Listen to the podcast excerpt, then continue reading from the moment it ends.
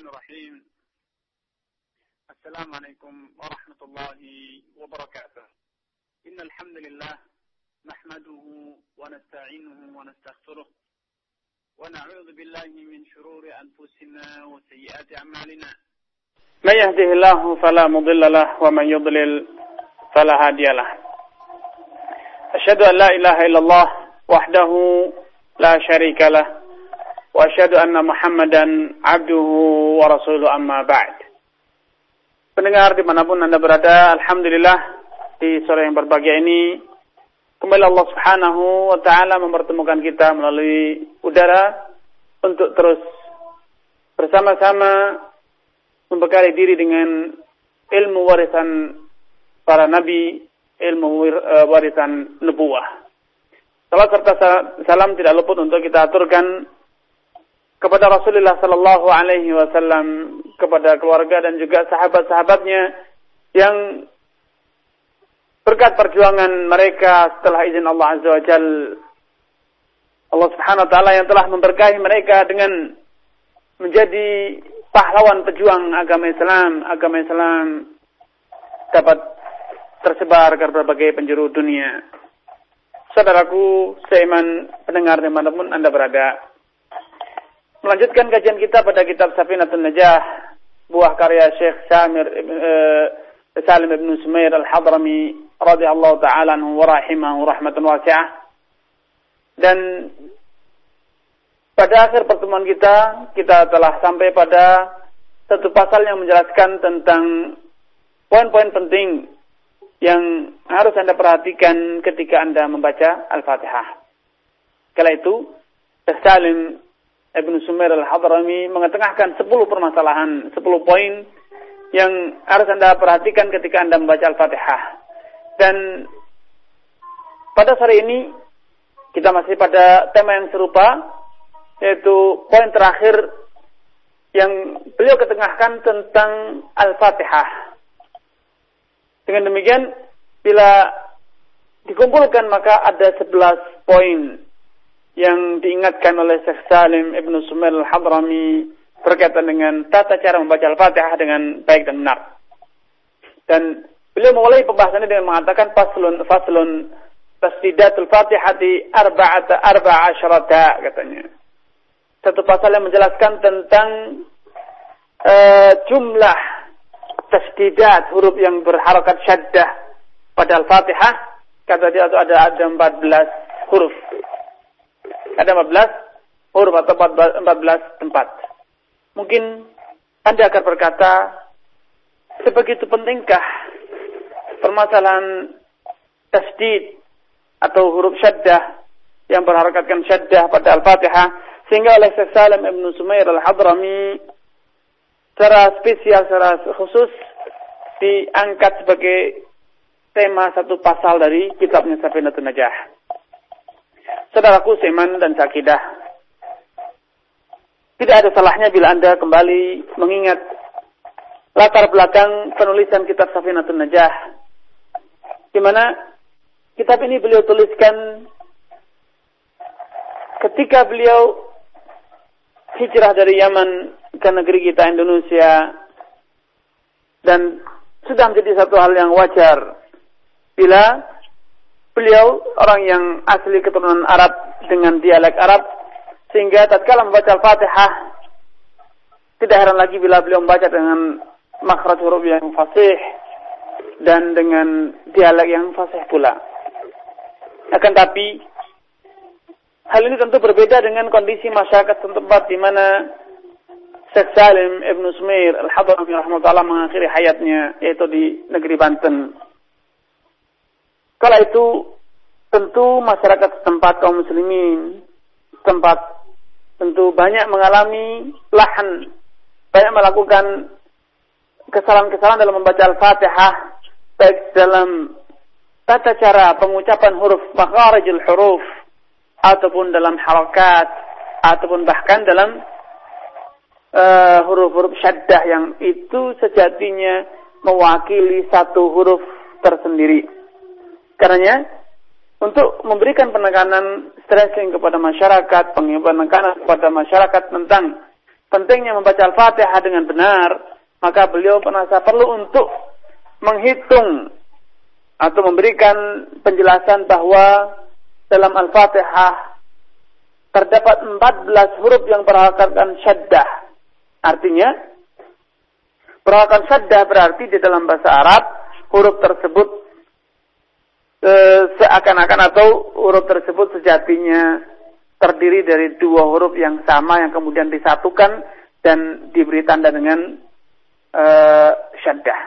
Karenanya menggugurkan harokat syaddah yang itu merupakan pengganti huruf yang disatukan dengan huruf yang lain berarti sama saja menggugurkan satu huruf.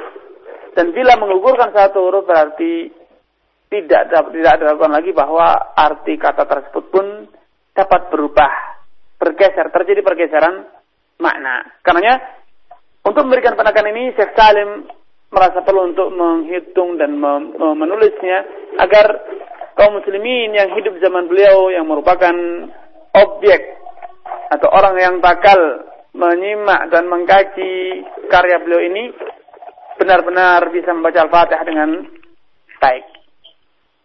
Kita akan mulai. Di manakah syaddah-syaddah yang atau huruf-huruf yang berangkat syaddah yang disebutkan oleh Salim ibnu Sumir, Salim ibnu Sumir al-Hadrami pada surat Al-Fatihah. Beliau mengatakan Bismillahi fawqal. Tempat pertama atau huruf pertama yang memiliki harokat syaddah ialah pada ayat pertama yaitu pada ayat Bismillah. Saya yakin Anda masih ingat bahwa pada akhir pertemuan kita telah dijelaskan bahwasanya dalam mazhab Syafi'i diajarkan dan diyakini bahwa basmalah adalah ayat pertama dari surat Al-Fatihah. Hingga di sini Syekh Salim Ibnu Sumair menghitung harkat syadda yang terletak pada Allah, pada kata Allah. Ini adalah tempat pertama dari huruf yang berharakan syadda. Bismillah itu syaddahnya terletak di atas huruf lam, fauqa lam. Selanjutnya tempat yang kedua, Ar-Rahman, fauqa ra katanya. Syaddahnya terletak pada huruf ra. Dan yang ketiga Ar-Rahim, fauqa ra. Kata pada terletak pada kata Ar-Rahim dan syaddahnya terletak di atas huruf ra. Alhamdulillah fauqa lamil jalalah katanya. Kemudian tempat selanjutnya ialah pada kata alhamdulillahi yang huruf syaddahnya terletak pada atas huruf lam yang merupakan lamul jalalah atau lam yang terletak pada kata Allah yang itu merupakan nama Allah Azza wa Jal. Rabbil alamin fawqal ba. Tempat selanjutnya terletak pada huruf ba dalam kata Rabbi. Rabbi Kata seperti itu saya ketengahkan di atas bahwa sejatinya uh, huruf yang memiliki harokat syaddah itu sejatinya adalah terdiri dari dua huruf yang sama yang kemudian disatukan menjadi satu huruf dan huruf yang disatukan tersebut digantikan dengan harokat syaddah. Sehingga misalnya kata Rabbun atau Rabbil Alamin aslinya adalah Rabb hu ra ba ta terjadi dua ta namun tentu mengucapkan dua huruf yang sama itu tentu cukup merepotkan. Makanya di dalam bahasa Arab dua huruf yang sama yang satunya berharokat sukun dan yang satunya berharokat fathah atau kasrah atau dhamma itu kemudian disatukan. Dan untuk menandai telah terjadinya penyatuan dua huruf ini ditandai dengan huruf syaddah. Sehingga pengucapannya lebih mudah lebih ringan di lisan kita. Rabbil alamin fawqal ba. Syaddahnya terletak pada huruf ba. Kemudian syaddah selanjutnya terletak pada ar-rahman. Fawqal ra terletak pada huruf ra dalam kata ar-rahman. Selanjutnya ar-rahim fawqal ra. Demikian juga syaddah yang terletak pada kata ar-rahim, syaddahnya terletak pada huruf ra. Maliki yaumid di fawqad dal. Tempat selanjutnya syaddah terletak pada huruf dal dalam kata ad-din maliki yaumi yaumid din. Selanjutnya iyyaka na'budu faqal ya. tempat selanjutnya terletak di atas huruf ya dalam kata iyyaka. Karena perhatikanlah saudaraku pendengar di mana pun anda berada, ketika anda membaca Fatihah, hendaknya betul-betul anda menyuarakan adanya syaddah yang itu merupakan penekanan stressing dalam pengucapan satu huruf. Iyaka, bukan iyaka. Sebagian orang yang salat, bahkan sebagian imam, ketika membaca iyaka na'budu, ia membacanya dengan takhfif, dengan ringan. Tanpa ada kesan, ada suara yang mencerminkan bahwasanya ada huruf syaddah di situ. Sehingga dia membaca misalnya dengan mengatakan, Iyaka na'budu wa iyaka ini tentu bacaan yang salah. Iyaka tentu artinya berbeda dengan iyaka. Iyaka tentu artinya berbeda dengan kata iyaka. Tentu artinya berubah. Karenanya waspadalah dan tempat ini kata iyaka ini termasuk tempat yang paling sering terjadi kesalahan. Sering kali imam ketika membaca, dia membaca dengan karena mungkin entah dialek lokal tempat-tempat dia tinggal atau mungkin karena tidak ingin memberikan penekanan ingin mempermudah atau meremehkan atau alasan lain atau memang karena belum mampu sering kita mendengar seorang imam ketika membaca Al-Fatihah dia membaca dengan iya karena budu iya karena nasta'in tanpa ada syaddah. Yang benar adalah dengan mengatakan iyyaka na'budu. Betul-betul ada penekanan iyyaka. Karena penekanan ini mencerminkan bahwasanya huruf ya-nya sejatinya terdapat dua huruf yang kemudian disatukan dan penyatuannya ditandai dengan adanya syaddah. Kemudian tempat selanjutnya ialah wa iyyaka nasta'in, yaitu pada kata iyyaka yang kedua sama-sama syaddahnya terletak pada huruf ya ihdinas siratal mustaqim. Tempat selanjutnya adalah terletak pada kata as-sirat. As-sirat. Ini terletak di atas huruf sad, Sehingga kita ketika membaca Al-Fatihah hendaknya Anda membaca dengan syadda ihdinas sirat. Bukan ihdinas siratal mustaqim dengan takhfif tidak. Namun Anda baca dengan ihdinas Sotnya berharapkan berharapkan syaddah. Kemudian siratal ladzina syaddahnya terletak pada fauqal lam. Itu pada kata alladzi al siratal ladzina. Bukan siratal ladzina, siratal ladzina. Bagaimana membacanya dengan takhfif. Tentu ini akan merubah makna. Namun yang benar adalah akan memberikan penekanan pada huruf lam. Siratal lazina. Selanjutnya, tempat syaddah selanjutnya ialah an'amta alaihim ghairil maghdubi alaihim waladdallin. Faqad dhadi wal lam waladdallin. Ada dua syaddah di sini. Syaddah pertama terletak di atas huruf dad waladdallin dan yang kedua adalah terletak pada huruf lam bolin betul-betul ada e, penekanan dengan syaddah nah ini 14 tempat tempat apa namanya e, huruf-huruf yang memiliki harokat syaddah yang hendaknya anda perhatikan dengan memperhatikan mawadhu syaddah ini tempat-tempat atau kata-kata atau huruf-huruf yang memiliki harokat syadda ini, insya Allah ini salah satu kiat yang bila Anda lakukan, Anda akan bisa membaca Al-Fatihah dengan benar. Dan bila Anda membacanya dengan benar, dengan memenuhi seluruh hurufnya, termasuk huruf harokat-harokat syaddahnya, maka Anda menjabrati telah menjaga makna Al-Fatihah dengan sempurna. Namun, bila Anda meremehkan entah disengaja atau tidak, sehingga menggugurkan huruf harokat syaddah pada salah satu tempat di atas bisa jadi bisa jadi anda ketika membaca fatihah namun kandungan maknanya, maknanya telah rusak. Dengan mengatakan iya karena budu wa iya karena stain misalnya. Tentu artinya beda dengan kata-kata iya karena budu wa iya karena stain baik. Selanjutnya Syekh Salim Ibnu Sumair Al-Hadrami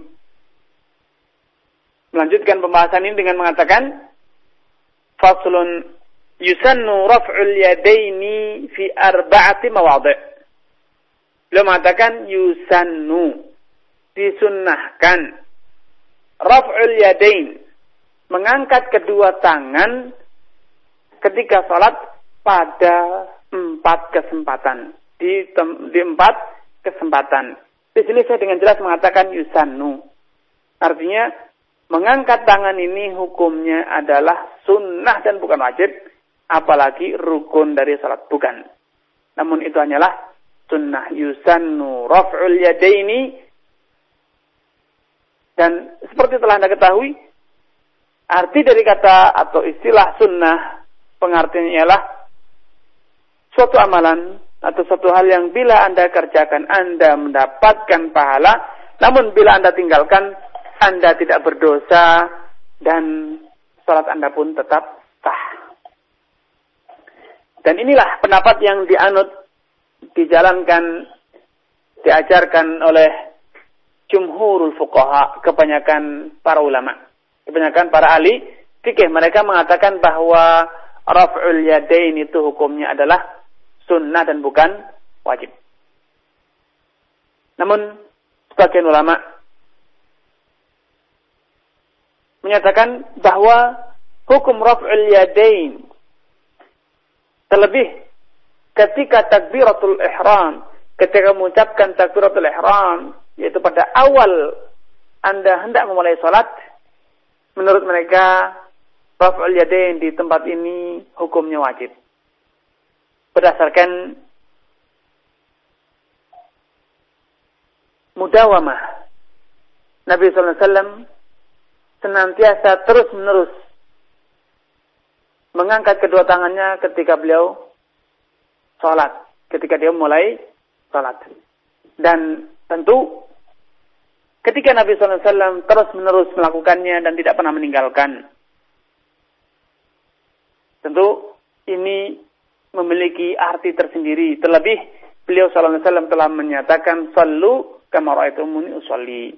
Salatlah kalian, tegakkanlah salat kalian sebagaimana yang kalian lihat bagaimana ketika aku salat. Telah dalilah tata cara salat yang aku kerjakan. Nah, berdasarkan dalil ini atau kesimpulan analisa ini sebagian ulama mengatakan bahwa mengangkat kedua tangan ketika takbiratul ihram itu hukumnya wajib, bukan sekedar sunnah. Akan tetapi, Wallahu ta'ala alam pendapat jumhur ulama, kebanyakan ulama itu lebih kuat. Karena Rasulullah SAW ketika suatu hari beliau sedang duduk-duduk di Masjid Nabawi bersama beberapa sahabatnya. Tiba-tiba ada seorang Arabi, seorang Arab, Badui, yang masuk ke masjid dan beliau segera sholat dua rakaat tahiyatul masjid. Namun seusai sholat dan beliau hendak bergabung dengan Masjid Alaihi Wasallam, namun ternyata Rasulullah mengatakan irji' fasalli fa innaka lam tusalli. Kembalilah dan ulanglah salatmu sejatinya engkau belum salat. Maka orang tersebut balik ke tempat semula dan mengulangi salatnya. Selesai salat, Beliau kembali lagi kepada Rasulullah SAW dan ternyata Rasulullah kembali mengatakan irji' fasalli fa innaka lam tusalli. Kembalilah dan ulanglah salatmu karena sejatinya engkau belum salat sama sekali. Maka untuk ketiga kalinya sahabat tersebut mengulang salat. Namun subhanallah setiap kali beliau usai salat sebagaimana yang beliau lakukan ternyata Rasulullah SAW kembali lagi beliau dikatakan irji' fasalli fa innaka lam tusalli. Kembali dan ulangi salatmu karena engkau belum salat. Apa yang kau kerjakan tiga kali ini, semuanya itu tidak sah. Sehingga dengan jelas Rasul mengatakan lam tusalli irji fasali fa innaka lam tusalli. Jadi engkau belum salat sama sekali. Maka setelah tiga kali mengulang dan ternyata semuanya dikatakan gagal, maka sahabat tersebut dengan tetap rendah hati, tanpa marah, tanpa tersinggung, tanpa ada sungkan atau malu atau lainnya, beliau ingin belajar Beliau ingin diajar Rasulullah SAW bagaimana tata cara yang benar. Sehingga beliau dengan jujurnya tanpa ada beban, tanpa ada apa, beliau mengatakan, Ya Rasulullah, alimni la ahsinu ghairu hadha. Ya Rasulullah, ajarilah aku bagaimana cara salat yang benar. Karena sejatinya aku tidak bisa mengerjakan lebih baik daripada yang telah aku kerjakan tadi. Jadinya aku tidak mampu, tidak kuasa untuk mengerjakan salat dengan cara yang lebih baik, lebih bagus dibanding yang telah aku kerjakan tadi. Maka Rasulullah SAW ketika ditanya dan diminta untuk mengajarkan, maka tentu dengan senang hati beliau mengajarkan tata cara salat kepada sahabat tersebut hingga beliau mengatakan, "Idza kumta ila salah." Kalau engkau, wahai sahabatku, hendak mendirikan salat, fatawadda kama amarakallah. Maka mulailah dengan cara berwudu sebagaimana telah Allah perintahkan dalam Al-Qur'an, yaitu dalam ayat ke-6 dalam surat Al-Maidah. Ya ayyuhalladzina amanu idza qumtum ila sholati faghsilu wujuhakum wa aydiyakum ila ayah. Orang yang beriman, bila engkau hendak berdiri menegakkan salat, menjalankan salat, faghsilu wujuhakum wa aydiyakum, maka basuhlah wajah, tangan, kedua tanganmu hingga siku dan seterusnya. Dalam ayat ke-6 dari surat Al-Maidah. Setelah Rasulullah SAW mengajarkan agar sahabat tersebut terlebih dahulu berwudu, maka Rasulullah SAW melanjutkan pelajaran yang mengatakan, bilil kiblah. Kemudian setelah engkau berwudu dengan sempurna, segeralah menghadap ke kiblat wakabir. Dan setelah engkau menghadap kiblat, segera ucapkanlah takbir. Nah, pada ayat eh, pada hadis ini ada yang diriwayatkan oleh Imam Bukhari dan Muslim serta yang lainnya, ketika Rasulullah SAW diminta untuk mengajarkan tata cara salat kepada Arabi tersebut, ternyata beliau tidak mengajarkan kepadanya tentang mengangkat kedua tangan ketika takbiratul ihram. Tidak diajarkan di sini mencerminkan bahwa takbiratul ihram adalah uh, yadain, mengangkat kedua tangan itu bukanlah suatu hal yang wajib. Andai wajib, pastilah diajar oleh Rasulullah SAW kepada Arabi tersebut. Karena Allah Ta'ala alam, pendapat jumhur ulama, jumhur fuqaha yang mengatakan bahwa raf'ul yadain itu hanyalah sunnah, itulah yang lebih akwa. Nah, di sini saya mengatakan yusannu raf'ul yadaini fi arba'ati mawadhi. Disunahkan untuk mengangkat al-yadain, kedua tangan. Mengangkat kedua tangan kapan? Fi arba'ati mawadhi, di empat tempat, empat kesempatan. Nah, dari pengalaman kita ini kita dapat pahami bahwa yang diangkat adalah al-yadain, kedua tangan, meliputi telapak tangan hingga eh, pangkal lengan kita. Pangkal lengan kita sehingga kita mengangkatnya semuanya tergerak. Tidak seperti yang dilakukan oleh sebagian orang yang melekatkan e, lengannya ke badan, kemudian yang diangkat hanya sekedar e, dari arah siku hingga ujung tangan. Tidak. Namun benar-benar yang diangkat dari tangan yang menjulur ke bawah diangkat semuanya utuh sehingga siku ikut ikut terangkat, lengan pun ikut terangkat. Tidak seperti yang dilakukan sebagian orang yang diangkat hanya ujung lengannya saja. Akan tapi yang benar ialah betul-betul mengangkat seluruh tangan. Seluruh tangan semuanya ikut bergerak, bukan sekedar dari siku, sedangkan lengannya melekat ke badan dan ziraknya, hastanya, serta telapak tangannya hanya saja hanya itu yang diangkat. Tidak. Akan betul-betul lengan hasta hingga telapak tangan semuanya ikut tergerak dan terangkat. Mengangkat kedua tangan ini disunahkan untuk anda lakukan fi arba'ati mawadhi di empat tempat saja. Selebihnya tidak. Fi arba'ati mawadhi di empat kesempatan. Adapun selebihnya maka menurut madhab Syafi'i dan juga ini merupakan jumhurul ulama pendapat jumhur ulama Malikiyah uh, Syafi'iyah wal Hanabilah dan al ya Syafi'iyah wal Hanabilah uh, dan sebagian ulama Malikiyah mereka mengatakan mengangkat tangan ketika salat itu ada empat kali Yang pertama, enda takbiratil ihram. Mengangkat tangan ketika takbiratul ihram. Nah, mengangkat tangan ketika takbiratul ihram ini adalah suatu hal yang bisa dinyatakan telah disepakati oleh para ulama. Bisa disepakati oleh para ulama Abu Hanifah, wa Malik dan yang lainnya. Mereka semuanya sepakat sunnah untuk mengangkat kedua tangan pada takbiratul ihram ketika takbiratul ihram. Hal ini berdasarkan hadis Abu Hurairah dan juga yang lainnya Beliau mengisahkan kan Rasulullah SAW idza dakhala fi salati rafa'a yadayhi maddan. Dahulu biasanya Rasulullah sallallahu alaihi wasallam ketika idza dakhala fi salah hendak memulai salat beliau rafa'a yadayhi maddan. Beliau mengangkat kedua tangannya maddan betul-betul terangkat dan tegak. Rafa'a yadayhi maddan terangkat hingga tegak. Wallahu ta'ala alam sebatas yang saya ketahui dan yang saya pelajari tidak satupun ulama yang menyelisihi tentang sunnahnya atau tentang disyariatkannya mengangkat lengan atau mengangkat tangan ketika takbiratul ihram. Nah, selanjutnya tempat kedua yang disunahkan untuk diangkat tangan ialah wa indar ruku ketika Anda hendak ruku. Ketika Anda sudah membaca, selesai membaca Al-Fatihah, kemudian mengucapkan amin dan dilanjutkan dengan baca bacaan surat misalnya pada rakaat pertama dan kedua atau seusai membaca Al-Fatihah pada rakaat ketiga dan keempat.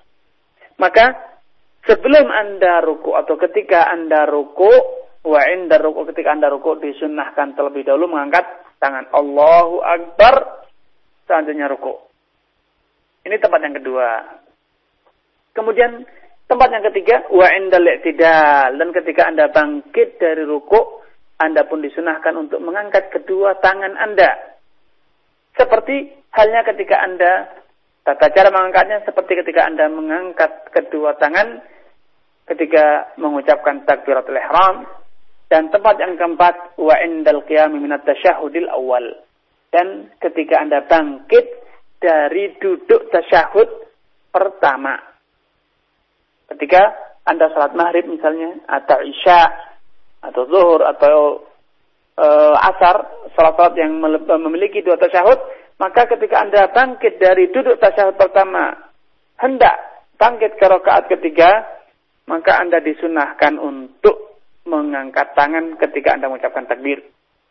Dan Mengatakan ini bisa Anda lakukan bersamaan Anda bangkit berdiri dari duduk atau juga boleh untuk Anda kerjakan ketika Anda setelah tegak berdiri dari tasyahud pertama. Sekali lagi saya tekankan, saya ulang, mengangkat kedua tangan ketika bangkit dari duduk tasyahud ini boleh Anda kerjakan setelah Anda berdiri tegak baru mengangkat tangan atau ketika Anda hendak bangkit.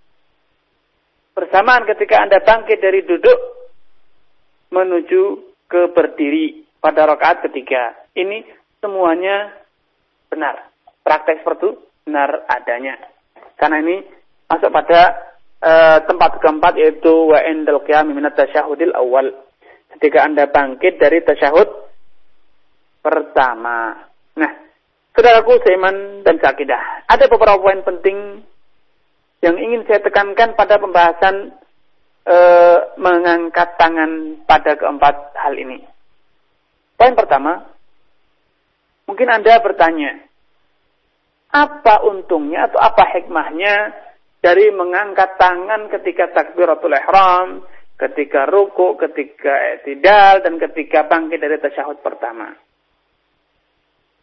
Pertanyaan Anda jauh-jauh hari telah dijawab oleh Imam Syafi'i rahimahullah taala.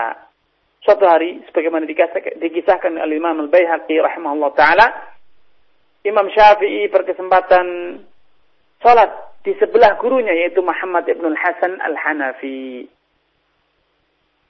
Salat di sebelah gurunya yaitu Muhammad bin Hasan Al-Hanafi. Nah, ketika takbiratul ihram mereka berdua sama-sama mengangkat kedua tangannya. Namun ketika hendak ruku Imam Syafi'i setelah mengucapkan takbiratul ihram beliau mengangkat kedua tangannya namun gurunya Muhammad Hasan berbeda pendapat. Menurut beliau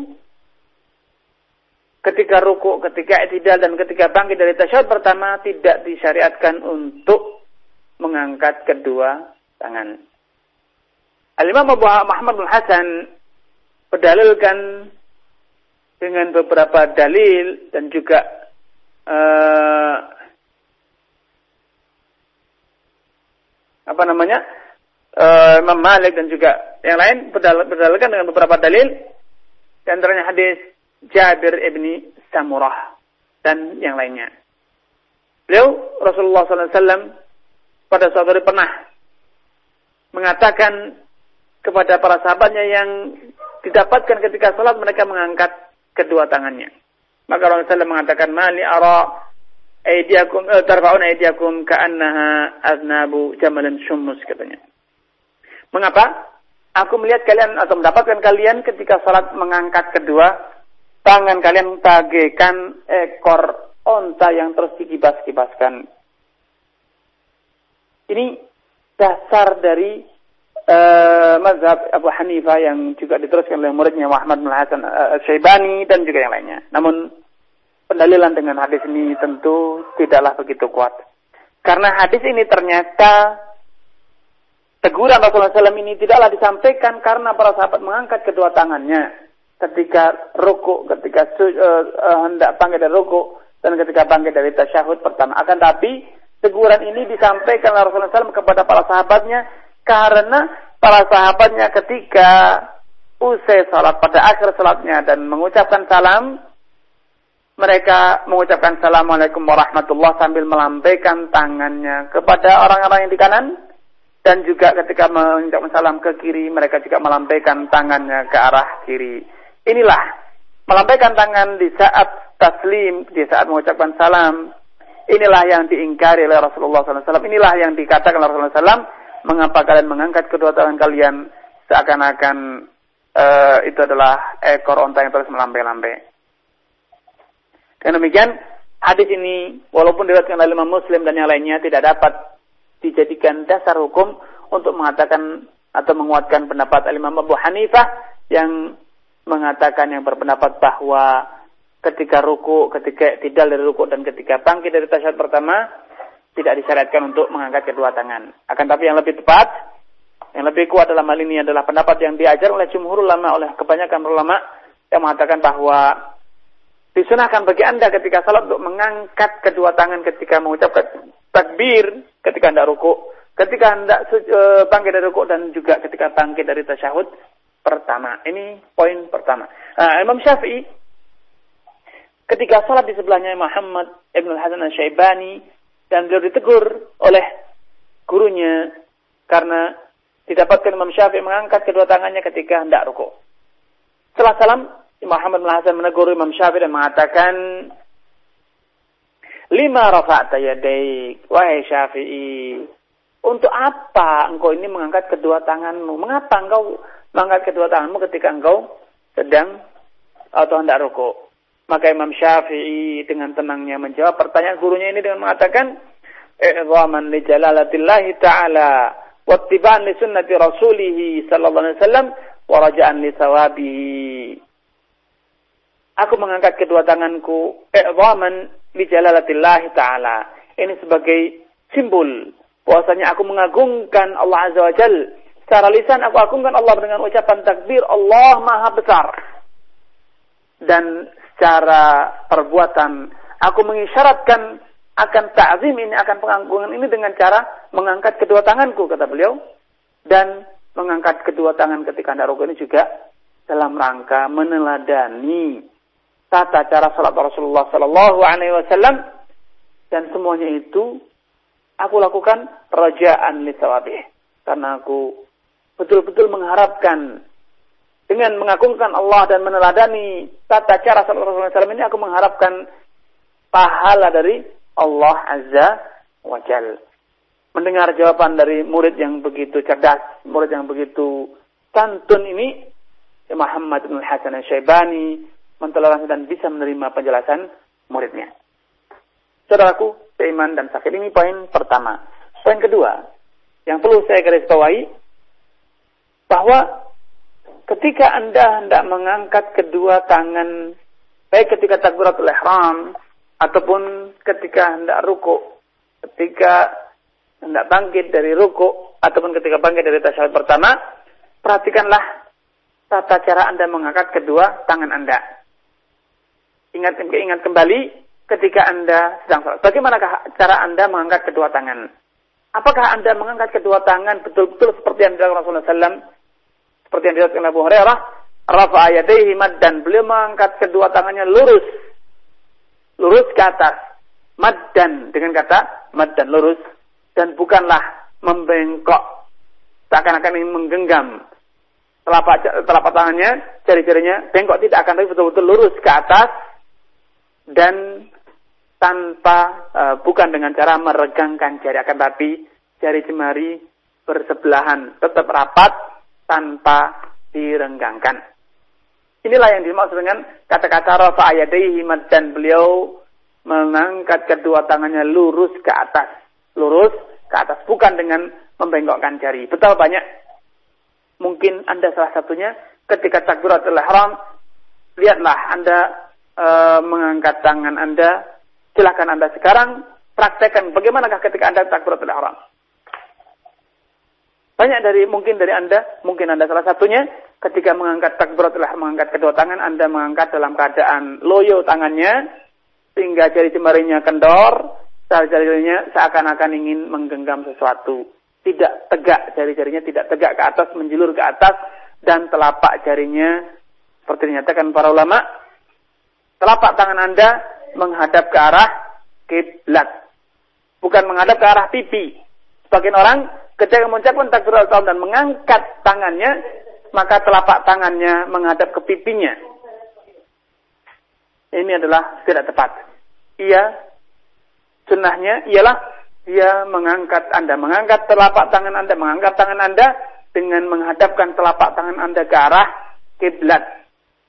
Menghadap mengarahkan telapak tangan ke arah kiblat dan jari jemari Anda lurus tegak ke atas bukan dengan cara direnggangkan dan juga bukan dengan cara dikendorkan sehingga tangannya seperti tangan orang loyo. Akan tapi betul-betul ketika Anda takbiratul ihram Anda tangannya lurus ke depan dan bukan menghadap ke arah pipi. Akan tapi betul-betul Anda ketika takbiratul ihram tangan Anda menghadap ke arah kiblat. Telapak tangan Anda marah menghadap ke arah kiblat. Karena dahulu Rasulullah Shallallahu Alaihi Wasallam demikian melakukannya dengan karena Hurairah mengisahkan rafa ayadaihi dan beliau mengangkat kedua tangannya lurus tegak. Dan dalam ayat lain, ini poin ketiga yang perlu digarisbawahi. Ketika Anda mengangkat telapak tangan Anda, hendaknya Anda mengangkatnya tinggi-tinggi sehingga eh, ibu jari Anda sejajar dengan eh, telinga bagian bawah dan ujung jari tengah, telunjuk dan yang lainnya sejajar dengan telinga bagian atas. Telinga bagian atas. Walaupun kalau Anda mengangkat dengan cara ujung jari Anda sampai ke bahu Anda juga tidak masalah. Boleh saja. Dan juga Anda juga boleh mengangkat telapak tangan hingga dada Anda. Mengangkat tangan hingga dada Anda juga boleh-boleh saja.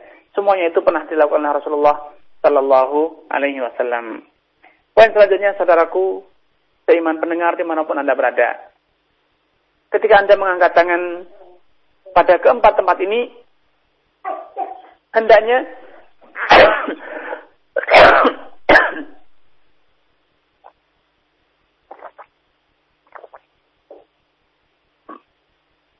Anda mengangkat tangan ketika Anda mengucapkan atau e, dijelaskan para ulama poin keempat, ketika Anda mengangkat tangan maka Anda memiliki beberapa pilihan.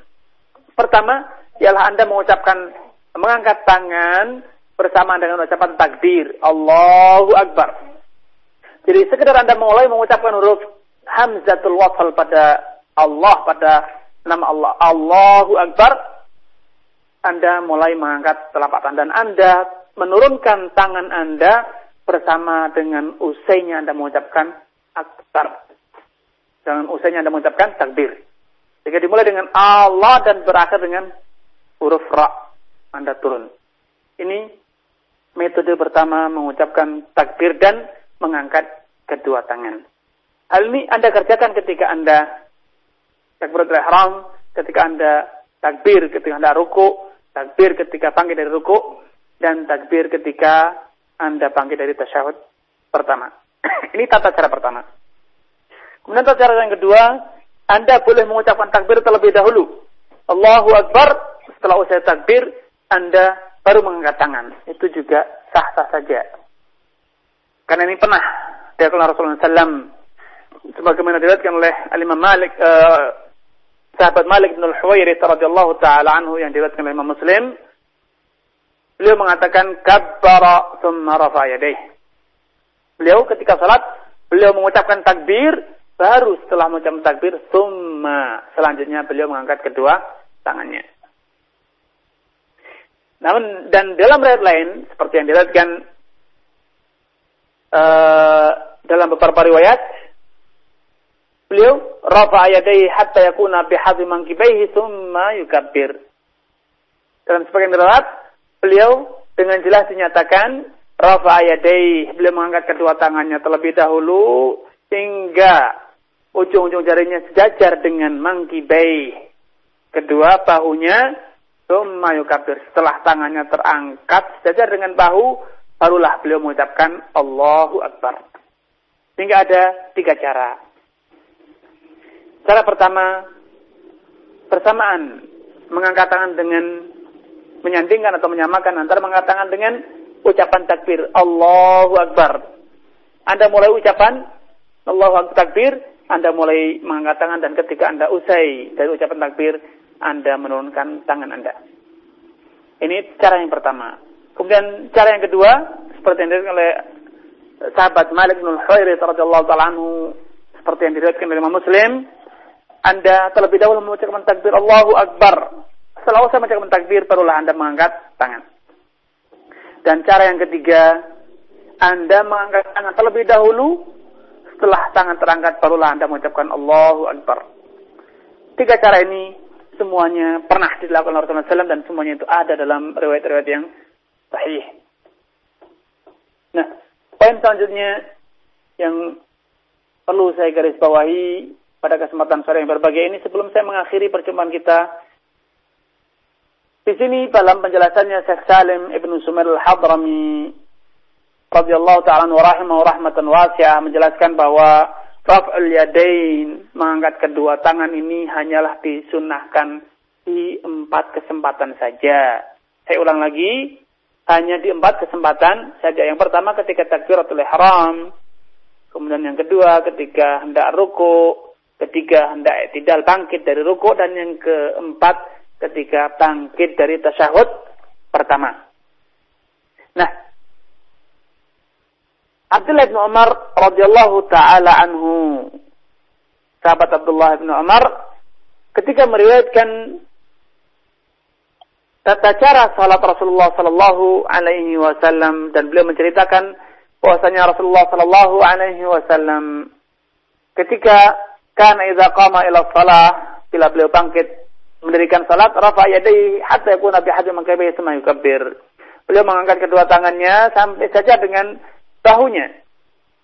Kemudian beliau mengucapkan takbir. Thumma yukabbir. Kemudian bila anda faida arada an yarka hendak ruku rafa'ahuma mithla dzalik. Beliau juga kembali mengangkat kedua tangannya dan bertakbir. Wa idza rafa'a ra'sahu min ruku' rafa'ahuma kadzalik. Dan ketika beliau bangkit dari ruku, beliau juga mengangkat kedua tangannya. Nah, dalam sebagian jalur riwayat hadis Abdullah bin Umar ini, Abdullah bin Umar mengatakan wala yaf'alu dzalika hina yasjud wala hina yarfa'u ra'sahu minas sujud.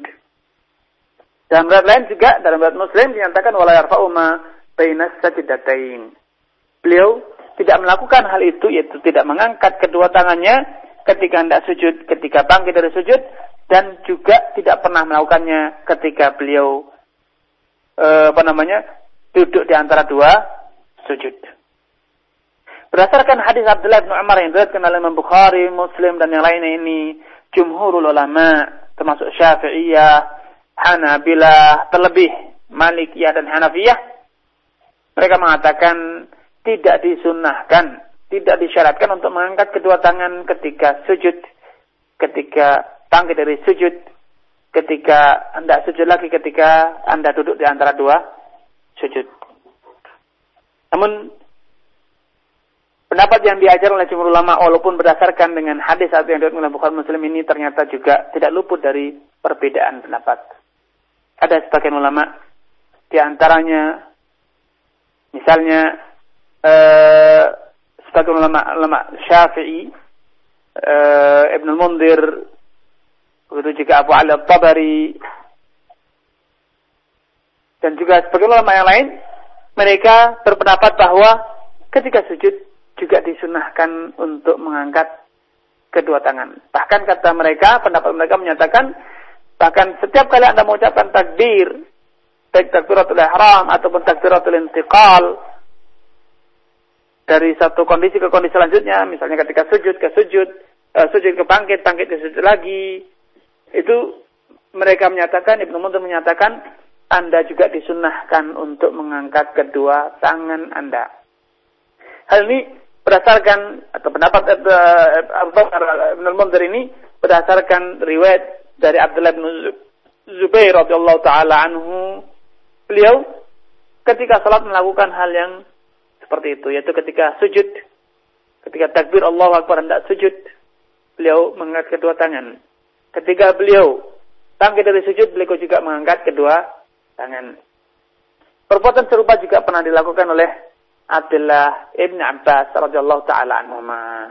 Nah, berdasarkan dua riwayat dari dua sahabat ini, Abu Bakar bin Mundir menyatakan bahwa setiap kali Anda mengucapkan takbir dalam sholat Anda, maka Anda disyariatkan untuk mengangkat kedua tangan. Namun, jumhur ulama, kebanyakan para ulama, mengkritisi pendapat ini dengan mengatakan menjawab eh, pendalilan dengan dua riwayat dari dua sahabat ini, mereka mengatakan riwayat dari kedua orang sahabat tersebut riwayat yang kurang kuat. Kurang kuat sehingga tidak bisa dijadikan dasar hukum dalam masalah-masalah seperti ini. Terlebih Abdullah bin Umar radhiyallahu taala anhuma dengan jelas dan dengan tegas mengatakan wala yaf'alu dzalika hina yasjudu wala hina yarfa'u ra'sahu minas sujud. Nabi tidak melakukan hal tersebut, tidak mengangkat kedua tangannya ketika beliau sujud dan juga ketika beliau mengangkat kepalanya dari sujud. Sehingga jelas-jelas Abdullah bin Umar mengingkari hal tersebut. Beliau mengatakan Nabi tidak pernah melakukan hal tersebut. Terlebih karena Abdullah bin Umar dengan jelas telah menegakkan menafikan dan riwayat dari Abdullah bin Zubair dan juga Abdullah bin Abbas ini kontroversial ditentang atau diingkari oleh banyak para ulama, maka jumhur ulama termasuk Syafi'iyah Hanabil mengatakan tidak sunnah untuk mengangkat kedua tangan ketika sujud, ketika bangkit dari sujud.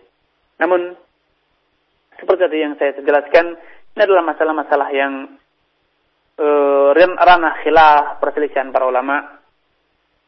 Ibnul Munzir telah ini merupakan tokoh sentral dalam madhab syafi'i dan Abu Ali Al-Tabari dan merupakan salah satu contoh dalam madhab syafi'i. Karena menurut mereka riwayat dari Abdullah bin, Abdullah bin Zubair dan juga Abdullah bin Abbas ini walaupun secara satu persatu cara jalur syaratnya layak dikritisi, akan tapi bila digabungkan satu dengan yang lainnya, maka saling mendukung sehingga layak untuk dijadikan sebagai dasar hukum, dasar e, pendalilan dalam hukum. Karenanya sebagai ulama, Allah Taala alam di zaman sekarang dan juga sebelumnya serta yang lainnya, seperti saya katakan adalah pendapat Ibnu Mundir, Abu Alif Tabar dan yang lain, mereka memfatwakan sunnah. Adapun pernyataan Abdullah bin Umar dia mengatakan wala yaf'alu hina yasjud wala hina yarfa'u Nabi tidak pernah mengangkat atau tidak mengangkat kedua tangannya ketika sujud dan ketika panggilan sujud maka itu pasti bisa disinkronkan bisa dikompromikan dengan perbuatan Abdullah bin Zubair dan Abdullah bin Abbas itu dengan mengatakan bahwa apa yang dinyatakan oleh Abdullah bin Umar itu hanya sebatas apa yang dia pahami, yang dia ketahui, yang dia lihat. Sedangkan Abdullah bin Zubair dan Abdullah bin Abbas memiliki tambahan ilmu sehingga beliau melakukan atau meriwayatkan suatu hal yang tidak diketahui atau belum diketahui oleh Abdullah bin Umar. Dan itu adalah suatu hal yang wajar dan bisa terjadi.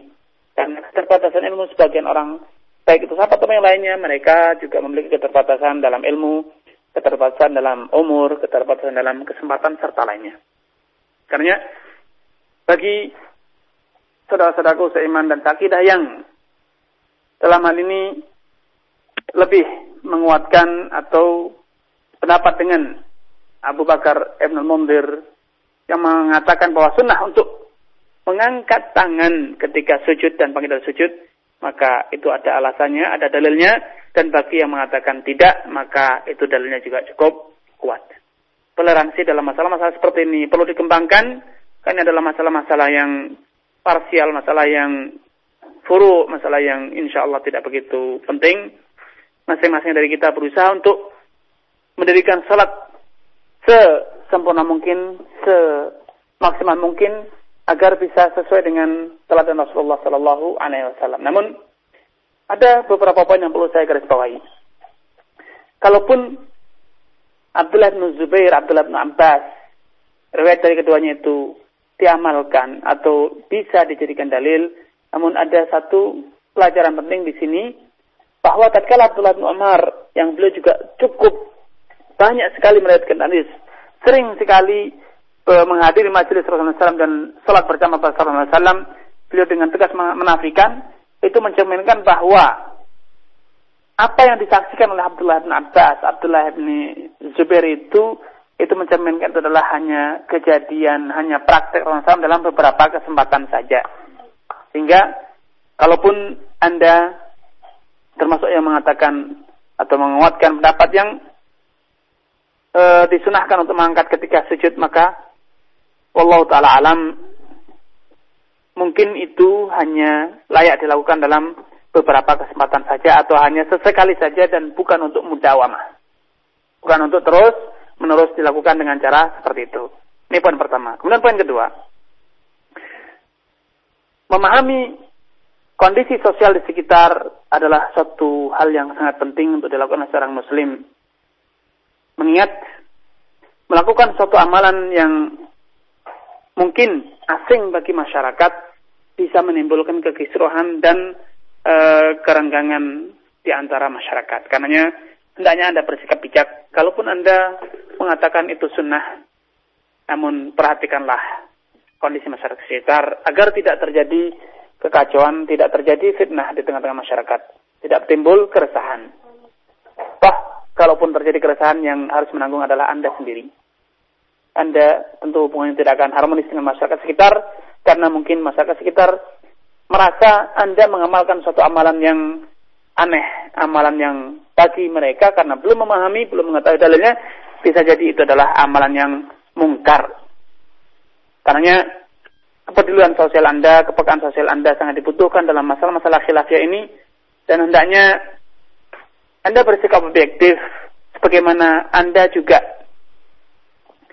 mungkin merasa karena ini adalah ada dalilnya. Menurut Anda riwayat Abdullah bin Zubair, Abdullah bin Abbas ini cukup kuat sehingga bisa diamalkan. Sehingga Anda mungkin menuntut kepada masyarakat untuk menghormati perasaan Anda. Namun apakah e, tidak salah apa-apa apa apa namanya tidak tidak ada salahnya. Tidak ada ruginya bila Anda juga memperhatikan perasaan masyarakat luas. Hendaknya jangan pertontonkan kepada mereka amalan-amalan yang bagi mereka belum e, familiar asing.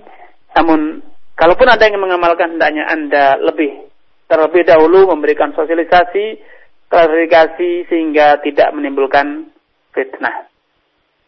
Kemudian poin terakhir yang ingin saya tekankan di sini, saudaraku seiman dan sakidah, memahami bahwa rafa'al yadain itu adalah suatu amalan sunnah. Bukanlah suatu hal yang wajib. Sehingga bila ditinggalkan tidaklah berdosa, sholatnya tetap sah, sholatnya tetap sempurna, walaupun pahalanya tentu tidak akan sesempurna bagi yang menjalankan sunnah tersebut, adalah suatu hal yang sangat penting. Mengingat rutinitas yang sering kali menjadikan kita atau rutinitas sering kali menjadikan kita berubah persepsi. Sehingga tatkala mungkin ada saudara kita yang mungkin dengan sengaja atau lupa atau alasan yang lain tidak mengangkat tangan bisa jadi karena kita faktor keterbiasaan setiap kali salat mengangkat tangan, setiap tidak rukuk mengangkat tangan, mungkin bisa jadi kita merasa saudara kita kok kenapa tidak mengangkat tangan? Mungkin ada hal yang aneh. Pada saatnya tidak, itu hanya sekedar amal yang sunnah. Kalaupun dia sengaja meninggalkan maka insya Allah tidak masalah. Kalaupun dia ada alasan maka insya Allah juga tidak masalah. Karenanya mengedepankan kedewasaan, kebesaran jiwa, kelapangan dada untuk menghadapi perbedaan semacam ini sangatlah dibutuhkan sehingga dalam satu masjid sama-sama dihadiri sama-sama diisi oleh orang-orang yang ingin mencari mardhatillah keridhaan Allah Azza wa Jal akan terjalin hubungan yang harmonis ukhuwah akan segera terwujud sehingga yang ada di antara jamaah satu masjid bukanlah curiga mencurigai suudzon mensuudzonnya akan tapi yang ada adalah uh, ulfah persatuan, kesatuan dan adanya hubungan yang harmonis. Ditandai dengan adanya nasrul ilm, ketok tular ilmu, saling mengajari yang merasa punya tambahan ilmu, bisa sosialisasi terlebih dahulu sebelum mempraktekannya. Sehingga dengan sikap-sikap seperti ini insya Allah hal-hal yang dapat meresahkan masyarakat atau memancing perimbulnya kesalahpahaman dapat dihindarkan semaksimal mungkin. Ini yang bisa disampaikan di kesempatan sore yang berbahagia ini. Mohon maaf atas segala kekurangan.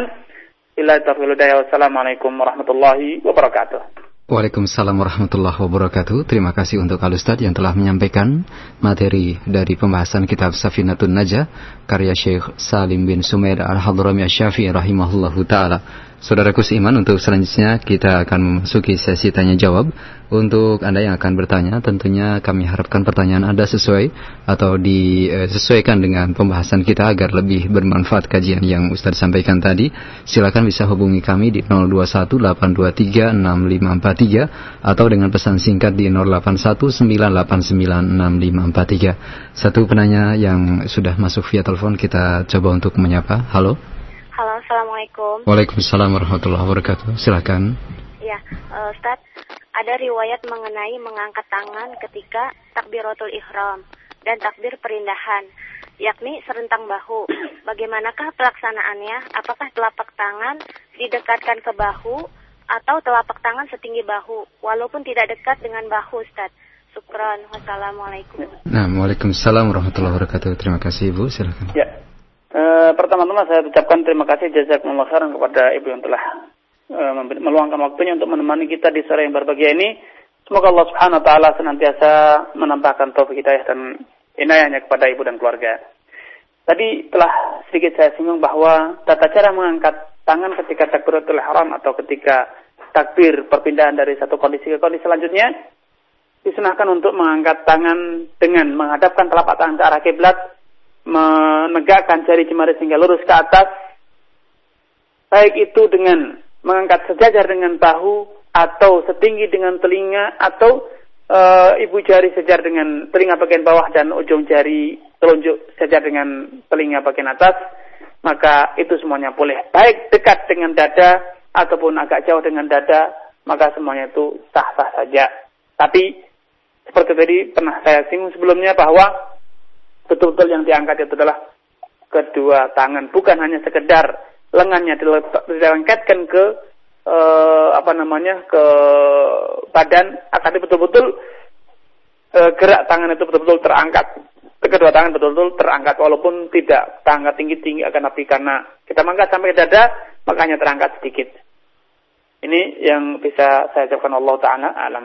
Nah, terima kasih Ustaz atas jawabannya. Di kesempatan kedua masih dari telepon ada Bapak Mulyadi di Depok. Silakan Pak Mul.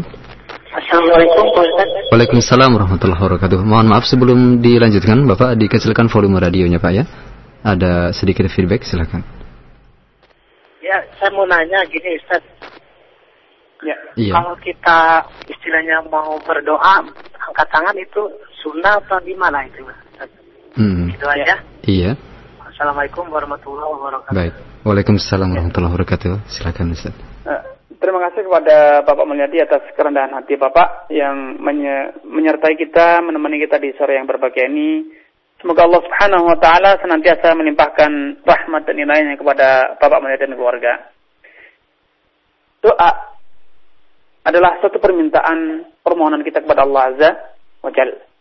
Dan di antara etika adab yang dicontohkan oleh Rasulullah SAW kepada umatnya ketika berdoa ialah dengan cara menengadahkan kedua tangannya ke langit ke atas, yaitu dengan cara e, menyandingkan telapak tangan yang satu yang kanan dengan yang kiri betul-betul dirapatkan, kemudian menghadapkan sedikit dibengkokkan seperti orang meminta. Ialah bagaimana orang yang meminta kedua tangannya disandingkan, kedua telapaknya disandingkan bukan berjauhan akan tapi berjejeran dan bersandingan, saling menempel, kemudian menengadah ke langit dan meminta kepada Allah Azza wa Jalla. Ini adalah etika yang dicontohkan Rasulullah SAW dan juga para sahabat ketika mereka berdoa. Dan dalil-dalil yang mensyaratkan tentang sunnahnya mengangkat tangan ketika berdoa adalah banyak sekali. Di antaranya sabda Rasulullah SAW, Rafa yadaihi sama, Yamuddu yadaihi sama, ketika berdoa, dia mengangkat kedua tangannya ke langit, atau mengadahkan tangannya ke langit. Ini adalah suatu hal yang telah disepakati oleh para ulama. Namun, apakah dalam semua doa disyaratkan untuk mengangkat tangan?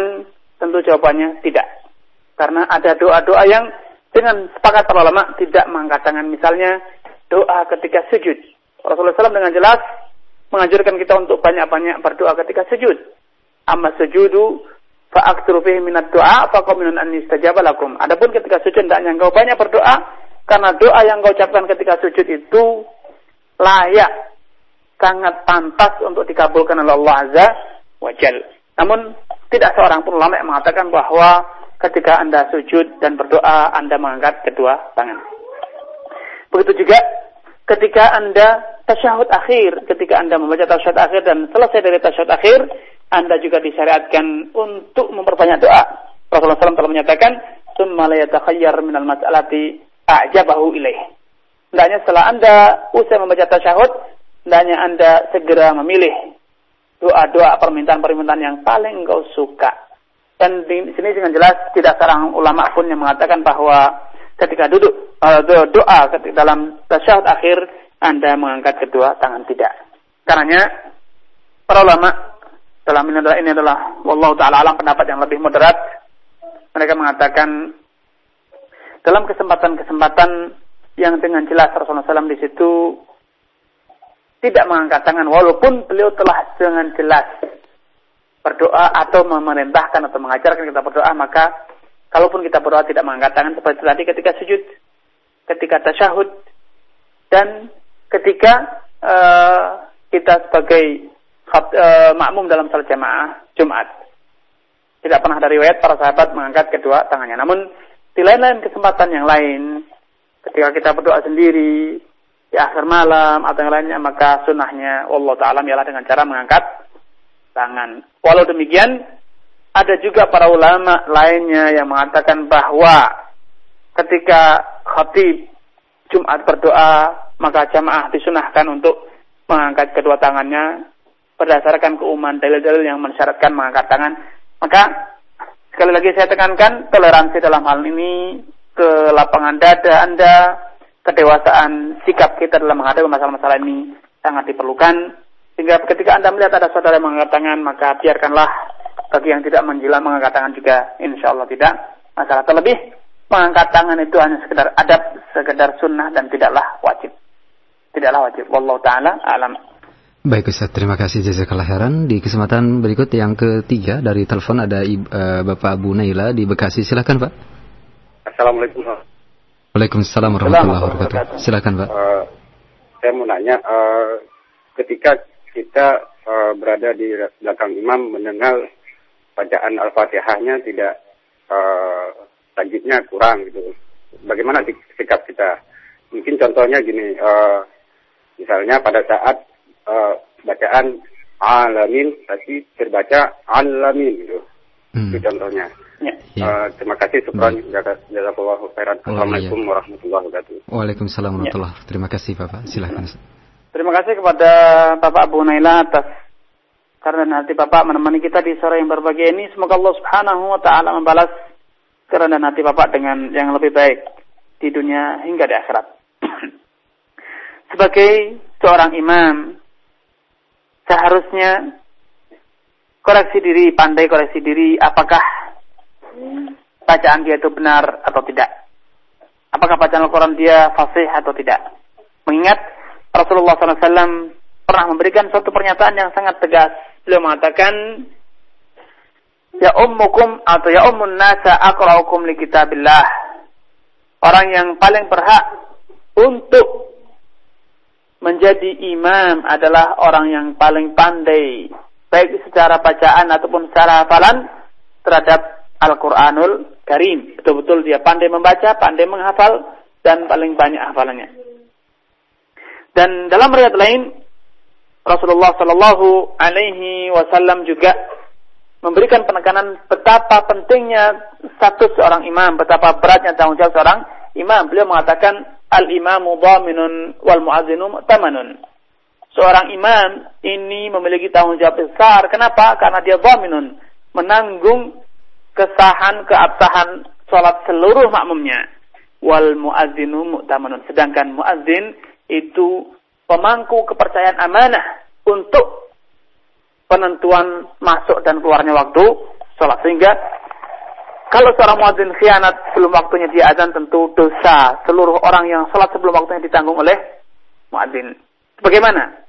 Kalau dalam sholat imamnya melakukan kesalahan, dia sengaja atau dia eh, apa namanya sadar tapi dia tidak mau membenahi, maka tanggung jawab dosa dari kekurangan salat makmum tersebut ditanggung oleh imam. Karenanya hendaknya para imam introspeksi diri apakah benar-benar dia adalah orang yang paling layak untuk menjadi imam karena tentu sebagai imam itu bukanlah kebanggaan akan tapi itulah tanggung jawab yang pasti akan Anda pertanggungjawabkan kelak di hari kiamat di hadapan Allah Subhanahu wa taala. Bayangkanlah, pikirkanlah di saat Anda harus berhadapan dengan Allah Subhanahu wa taala dan ternyata Anda dimintai pertanggungjawaban dimintai pertanyaan Allah Subhanahu wa taala tentang sholat seluruh orang jamaah, seluruh makmum yang ada di belakang Anda. Tentu ini adalah suatu tanggung jawab yang sangat berat. Karena seorang imam hendaknya terus memperbenahi, berbenah diri, memperbaiki diri, dan harus pandai-pandai memahami siapakah dirinya, apakah dia orang yang paling tepat atau tidak. Wallahu taala alam. Adapun masalah lahan tadi, masalah kesalahan imam, maka bila kesalahan imam tersebut adalah kesalahan yang jali, kesalahan yang betul-betul fatal, sehingga merubah arti Al-Quran. Misalnya, an'amtu alaihim, bukan an'amta alaihim. Dia membaca dengan an'am tu, orang-orang yang telah aku beri nikmat, maka tentu ini merubah arti. Atau misalnya ketika dia mengucapkan uh, Allahu Akbar, atau misalnya uh, Alhamdulillahi Rabbil Alamin, Misalnya dia membaca dengan uh, bacaan yang salah misalnya. Alhamdi lillahi misalnya. Alhamdulillahi atau alhamdulillahi rabbal alamin. Misalnya. Ini tentu adalah kesalahan yang sangat fatal. Uh, Malik yaumiddin iyyaka na'budu wa iya misalnya dia baca iyyaka na'budu dipanjangkan misalnya dengan iyyaka ini tentu akan atau dibaca dengan iya nak budu. Ada kafnya sini panjang. Sebagai imam pernah saya mendengar membaca dengan kafnya panjang. Tentu ini merusak arti karena iya itu tentu beda dengan bacaan iya nak budu wa iya nasta'in dengan memendekkan huruf kaf. Kalau kondisi lahannya adalah fatal semacam ini tentu ini akan e, memiliki nilai yang sangat buruk sekali sehingga bisa jadi e, sholat makmum yang mereka adalah orang yang fasih, orang yang mampu membaca Quran dengan fasih bisa jadi minimal makruh sholatnya dan bisa jadi banyak para ulama memfatwakan tidak sah salatnya kalau dia mengetahui sebelumnya bahwa makmumnya adalah lahannya jali. Akan tetapi kalau lahannya tidak masalah, tidak begitu jali, lahan khafi, kurang fasih mengucapkan huruf dot, kurang fasih mengucapkan huruf ain, maka insya Allah salatnya sah-sah saja. Allah taala alam. Nah, Ustaz, jazakallah khairan. Untuk selanjutnya kami angkat pertanyaan yang datang dari pesan singkat Ustaz ya. Ada ya. uh, pertanyaan dari saudara Rahman di Natuna yang bertanya, Ustaz uh, terkait dengan bacaan tasyah, uh, tasyahud awal sampai manakah bacaannya? Apakah sama bacaannya dengan tasyahud akhir Ustaz? Jazakallah khairan. Ya. Terima kasih saya ucapkan pertama kepada akhuna Rahman dari Natuna jazakumullah khairan barakallahu fikum atas kerendahan hati saudara menemani kita di sore yang berbahagia ini Semoga Allah Subhanahu wa taala senantiasa membalas amal baik Anda dengan yang lebih baik di dunia hingga di akhirat. Tasyahud pertama diselisihkan oleh para ulama. Hingga manakah bacaan tasyahud pertama apakah tasyahud pertama kita hanya membaca sampai mengucapkan syahadat saja asyhadu Allah wa asyhadu Muhammad Rasulullah atau juga disunahkan untuk membaca salawat.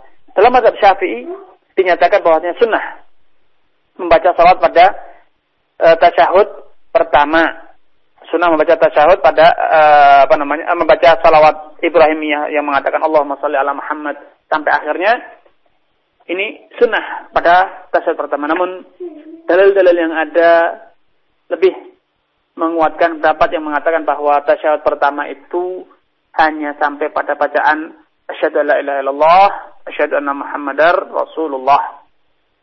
Karena dalam beberapa riwayat Nabi Shallallahu Alaihi Wasallam begitu cepat sangkit ketika tasyahud pertama, seakan-akan beliau duduk di atas bara. Begitu menggambarkan begitu pendeknya ketika beliau duduk di tasyahud pertama. Allah Taala alam. Baik Ustaz, untuk selanjutnya kita angkat dari uh, saudari Hafsah di Tanah Bumbu di Kalimantan Selatan dan ini adalah pertanyaan terakhir. Ustadz membaca Al-Fatihah ketika sholat dikeraskan sehingga menjadi terganggu jamaah yang lainnya. Bagaimana hukumnya Ustadz? Apakah uh, hal ini diperbolehkan apabila uh, sholatnya ini dalam kondisi di, mas, di masjid yang ada di pinggir-pinggir jalan dan sering terjadi uh, adanya jamaah yang kedua atau sel selanjutnya. Jazakallah khairan. Terima kasih pertama saya ucapkan kepada saudara kita Hafsah dari Kalimantan atas kerendahan hati saudari menemani kita di sore yang berbahagia ini. Semoga Allah Subhanahu wa taala senantiasa menjadikan saudari dan juga keluarga di bawah naungan dan rahmat Allah Azza wa Jalla di dunia hingga akhirat. Amin. Bacaan Al-Fatihah atau ketika kita sholat seorang diri di masjid. Tidak sepantasnya kita bersikap egois. Kita hanya ingin ibadah kita sendiri, tidak perlu dengan kondisi orang lain yang terganggu dengan sholat kita. Karena, karenanya dahulu ketika Rasulullah SAW dalam satu hari keluar ke masjid dan mendapatkan para sahabat sedang sholat sendiri-sendiri, namun kondisinya sangat memilukan. Kenapa? Karena mereka saling keras-kerasan bacaan. Sehingga tanpa diragukan mereka saling mengganggu dengan suaranya yang keras. Melihat kondisi yang seperti ini Rasulullah SAW memberikan klarifikasi dan menenangkan para sahabat untuk tidak saling mengganggu dan tidak meneluskan cara yang kurang tepat ini dengan mengatakan innal musalli munajan rabbah. Wahai sahabatku sejatinya orang yang satu sedang bermunajah, berbincang-bincang dengan Rabbahu. Dengan Tuhannya. Falyanzur mayunajihi bihi hendaknya ia merenungkan, ia memikirkan, menghayati apa yang dia ucapkan, apa yang dia katakan kepada Rabbnya kepada Allah Azza wa Jal. Wala ba'dukum ala ba'din bil qira'ah. Karenanya tidak sepantasnya kalian saling mengeraskan bacaan sehingga mengganggu dan tentu akan mengurangi konsentrasi tingkat penghayatan Anda terhadap apa yang Anda ucapkan. Nah, berdasarkan ini walai ba'du ke mana ba'din bil qiraah. Tidak sepantasnya sebagian kalian mengganggu sebagian lainnya dengan bacaan yang ia keraskan.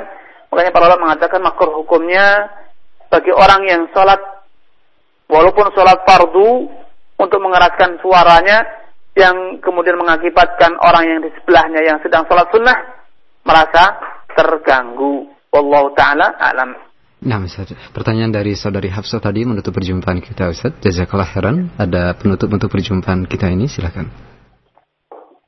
Saudaraku seiman di mana pun Anda berada sebelum kita berpisah di sore berbagai ini, ada satu pesan yang ingin sekali lagi saya tekankan.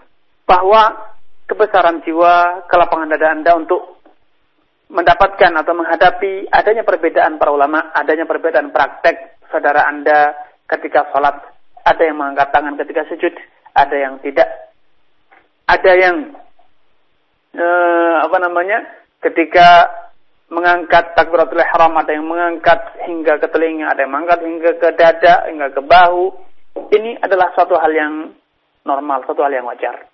Tidak perlu Anda risau dan juga tidak perlu Anda membuat atau menyeragamkan tata cara salat selama semua itu ada dasarnya, semua itu ada dalilnya, maka biarkanlah seperti itu adanya. Karena Rasulullah SAW dengan sengaja memberikan contoh yang berbeda-beda dan dalam banyak kesempatan beliau bervariatif dalam mengamalkan ibadah. Kadang demikian, kadang demikian.